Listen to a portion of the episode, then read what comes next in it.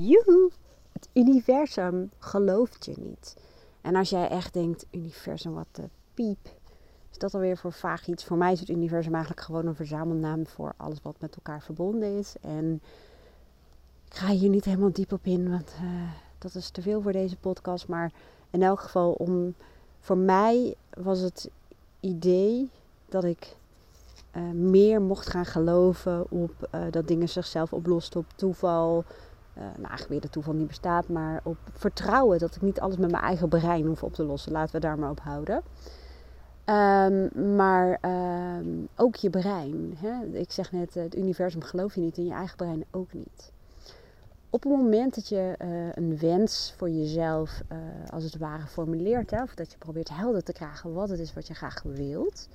Als je kijkt naar je brein als je kijkt naar de wet van de aantrekkingskracht, dan is het wel belangrijk dat het ook werkelijk waar is. Dat het klopt. En dat je ook goed nadenkt over, je trouwens op de achtergrond uh, drinken.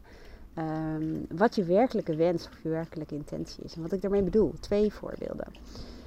Uh, jaren geleden hadden Aaron en ik uh, bepaald dat wij heel graag een huis zouden willen midden in het bos.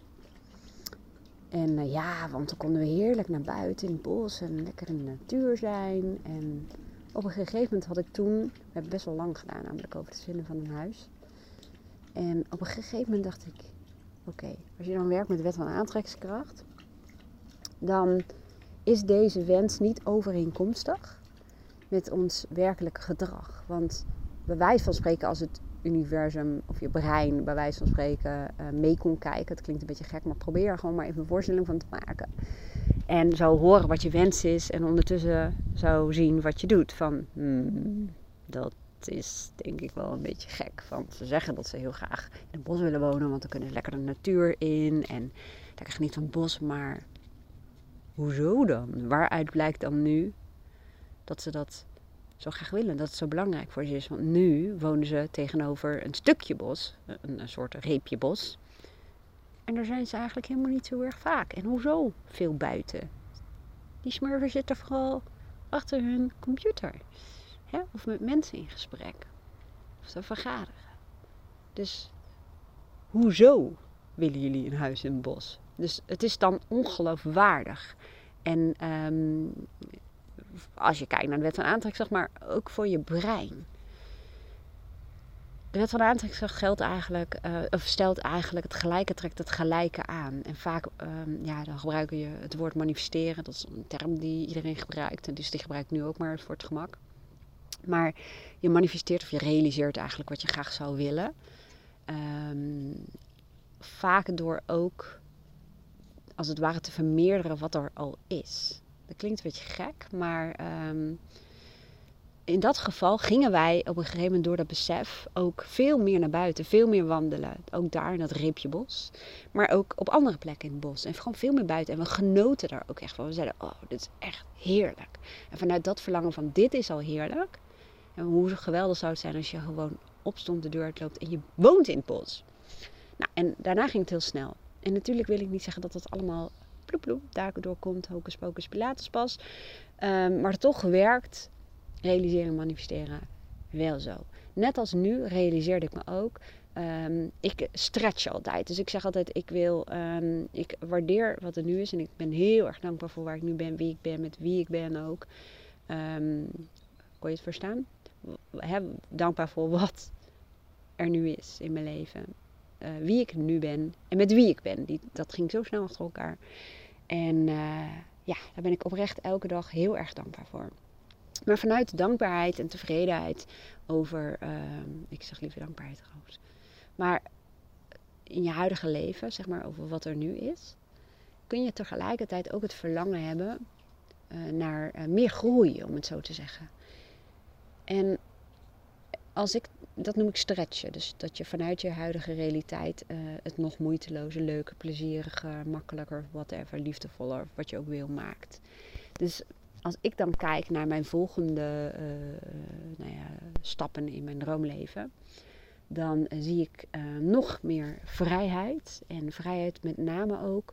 Um, ik heb al echt enorm veel vrijheid, maar ik merk dat er ook verlangen zit om met een boek in de tuin te kwakken, zullen we maar zeggen. En vooral ook ja, niks te doen. Natuurlijk is dat wel wat doen, maar eh, niet dingen die per se nuttig zijn of iets bijdragen aan. Hè, productief. En ik spreek dat verlangen vaak uit van, nou, dat zou ik willen. En gebeurt ook al steeds meer. Maar wat ik in de praktijk dan niet doe met de tijd die er al is. Ik zit natuurlijk nu weer op de podcast. Hè? Ik zal zo meteen vertellen wat voor besluit ik dan heb genomen. Ik heb vandaag een, eh, een, eh, een vrije dag van afspraken omdat de installateurs hier waren. En die zijn om drie uur weggegaan. Het is nu vier uur. En ik heb wat podcasts opgenomen. Ik heb op Instagram even wat dingen gedaan. Ehm, en op een gegeven moment was er een keuzemoment. Dat ik dacht, ik kan nu of met een boek de tuin in. Of ik kan nog even een nieuwe podcast plaatsen. En nog even wat uh, werk doen. En dan luister ik vaak naar mezelf door de vraag te stellen. Waar heb ik het meest behoefte aan? Of bij welke scenario krijg ik de fijnste gevoelens? Nou, dat was absoluut boek lezen. En in één keer dacht ik, ja, ik zeg heel vaak dat ik dat vaker zou willen doen, maar de tijd die ik dan al heb om dat te kunnen doen, ga ik toch vaak gebruiken om productief te zijn. Om wat te doen. Om te werken eigenlijk. Ja, werken, voor mij voelt het niet eens als werken. Daar gaat het niet om. En toen dacht ik, ja, maar zo werkt het niet. Als ik meer van hetzelfde wil manifesteren, dus wil stretchen, het wil oprekken, zal ik dus ook moeten laten zien aan mijn eigen brein en aan het universum dat ik uh, ook geweldig geniet en het ook heerlijk vind. En dat als het ware zou willen vermeerderen of ja, vertienvoudigen of whatever. Dus wat ik nu heb gedaan, ik heb een uh, beker Ben Jerry's uit de uh, kast gepakt. En een paar tomaten, die eet ik dan vaak uit de hand. En dan krijg ik de hond een stuk en de kat een stuk. En ik heb een boek gepakt. En uh, ik weet niet hoeveel graden het is, maar het is echt heel erg warm. Dus het zou eigenlijk ook heel erg zonde zijn om nu niet in de tuin te gaan zitten. Terwijl ik er zo enorm van hou als de zon schijnt. Omdat het zo fantastisch mooi weer is. Dus dat doe ik nu. En uh, mijn inzicht wilde ik uiteraard even met jou delen. En uh, hierna ga ik ook lekker afsluiten en er ook heel erg van genieten. Ik heb Aaron al geappt dat we pizza eten vandaag. Dus ook gewoon lekker, lekker in de tuin. Heerlijk. Een beetje een mini vakantie momentje. Nou, ik hoop dat je er wat van opgestoken hebt. Dat ik je iets heb mogen inspireren. Als dat het geval is, hoor ik natuurlijk graag welk inzicht uh, tot jou is gekomen. Tot jou is gekomen, dat klinkt ook wel heel raar. Soms uh, ga ik zinnen uit dat ik echt denk, mijn god. Maar goed, je snapt wat ik bedoel. En uh, ik wil je weer bedanken voor het luisteren. Ik wens je een hele mooie dag en heel graag tot de volgende keer.